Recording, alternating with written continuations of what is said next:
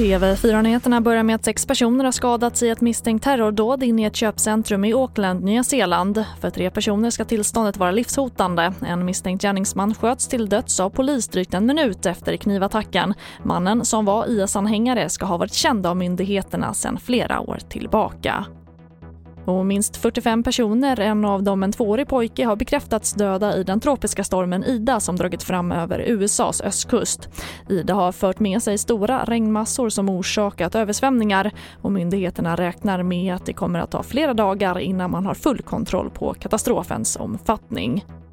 Och nyheten om att ABBA kommer att släppa ett nytt album slog ned som en bomb igår. ABBA-experten Carl Magnus Palm beskriver musiken som en modern version av bandets melodiska vinnarkoncept från 40 år sedan och tror på åtminstone någon hitsingel från nya plattan Voyage som kommer ut i november.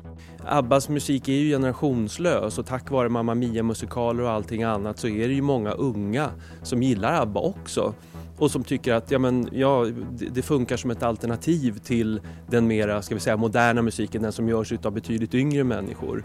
Så jag tror att det, det kan liksom eh, appellera till alla, precis som det alltid har varit med ABBA.